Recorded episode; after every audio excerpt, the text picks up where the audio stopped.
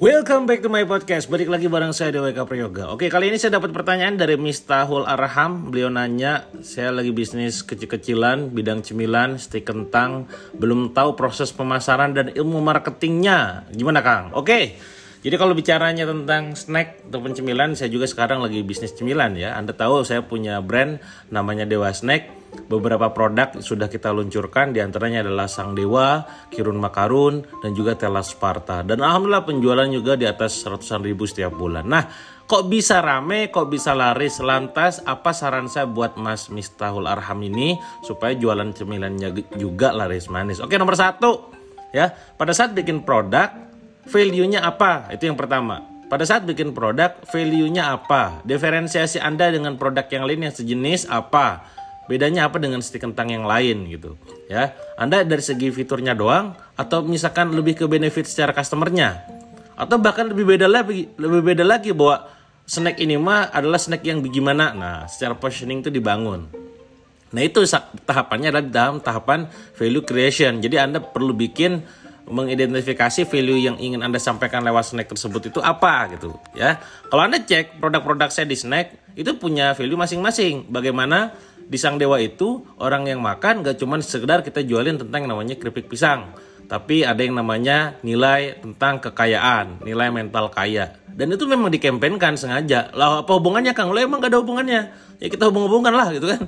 Ya gimana caranya value dari nama Sang Dewa, Dewa Eka Prayoga di sana bahwa mental kaya, mental miskin dan seterusnya. Pada saat kita garap Kirun Makarun, nilainya dari yang namanya Ricky Harun, Mas Ricky Harun ya. Jadi ada di sana nilai tentang kekeluargaan dan juga uh, pasangan bersama pas keharmonisan bareng pasangan. Yang ketiga pada saat kita bikin Tela Sparta, nilainya value-nya tentang uh, perjuangan dari nol ke ke sukses gitu ya, bagaimana from zero to hero. Nah, itu kan semua dibuat. Jadi sekali lagi Anda ranahnya kalau mau jualan produk di zaman sekarang, di zaman 4.0 jangan cuma sekedar mikirin produknya saja. Mulai bermain di ranah value. Ya, value saya udah jelas tadi tuh di ranah value tuh nilai yang memang, memang ingin dikasih ya. Memang diingin kasih di ke, ke, konsumen, ke konsumen atau customer. Bahkan lebih tinggi lagi di 4.0 itu mainnya di ranah komunal ya komunitas. Kalau saya tuh udah bikin namanya jagoan dewa. Jagoan dewa itu adalah sebuah sebutan untuk distributor dan pasukan yang memang mereka pengen uh, apa namanya pengen bisnis bareng di kita bareng kita gitu. Nah, itu nomor satu ya. Jadi pikirkan value-nya apa, pikirkan diferensiasinya apa terhadap produknya. Kedua, ya yang kedua adalah tentang target market. Ya target marketnya siapa yang ingin dibidik dari jualan snack tersebut, dari jualan cemilannya ya. Jangan bilang semuanya ya. Semakin Anda ngomong semuanya semakin gak jelas itu targetnya. Jadi clear, harus clear benar-benar ya. Ini yang nanti makan itu apakah anak kecil, ataukah orang orang dewasa atau anak muda atau gimana? Kudu jelas nih ya. Antara buyer sama user kudu jelas. Apa beda buyer sama user? Buyer itu adalah yang bayar user itu yang nikmatin. Ketika anda jualan produk makanan anak anjing kira-kira bayarnya siapa? Apakah anjingnya? No ya bayarnya adalah yang punya anjingnya ya usernya adalah anjingnya ketika anda jualan bimbel apakah bayarnya adalah anaknya no Bayarnya adalah orang tuanya, usernya adalah anaknya. Jadi kudu clear. Terkadang kita membelikan sebuah snack makanan cemilan gitu oleh orang tuanya, tapi diberikan kepada anaknya. Nah itu kudu jelas ya. Sama kayak saya di snack juga. Sang dewa itu ternyata pada saat kita lakukan launching, hampir kebanyakan dari 80% konsumen kita itu adalah anak kecil dan juga cewek ya. Jadi orang orang tua tepatnya ya emak lah ya, tapi yang cewek yang cowok jarang gitu. Yang cowoknya mungkin dia ngambilnya ke Tela Sparta dan di Kirun Makarun. Jadi setiap produk punya pasangan ideal masing-masing target marketnya. Jadi nomor dua adalah Anda harus temukan target market ideal segmentasinya yang kayak gimana. Tolong detailkan. Itu nomor dua. Ya jangan bilang semuanya enak aja loh gitu ya. Nanti gak laku loh ya. Nomor dua. Tiga. Apa yang harus ditentukan adalah channel promosi dan distribusinya.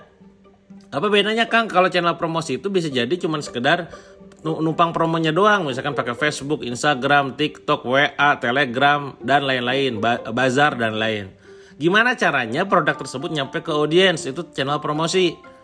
Lalu yang berhubungan dengan channel distribusi apa Kang? Channel distribusi adalah gimana caranya produk tersebut terdistribusi baik ke audiens, ke market. Dalam hal ini kalau di saya kan berarti channel promosinya adalah Facebook, Instagram, YouTube dan lain-lain. Kalau channel distribusinya apa? Yaitu dia pakai distributor, pakai pasukan.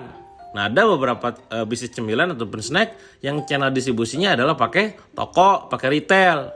Nah, nah gimana tuh ya ditentuin coy ya. Jadi jangan sampai kita nggak jelas. Misalkan pakai pasukan tapi anda sendiri masukin ke retail ya babak belur pak gitu kan.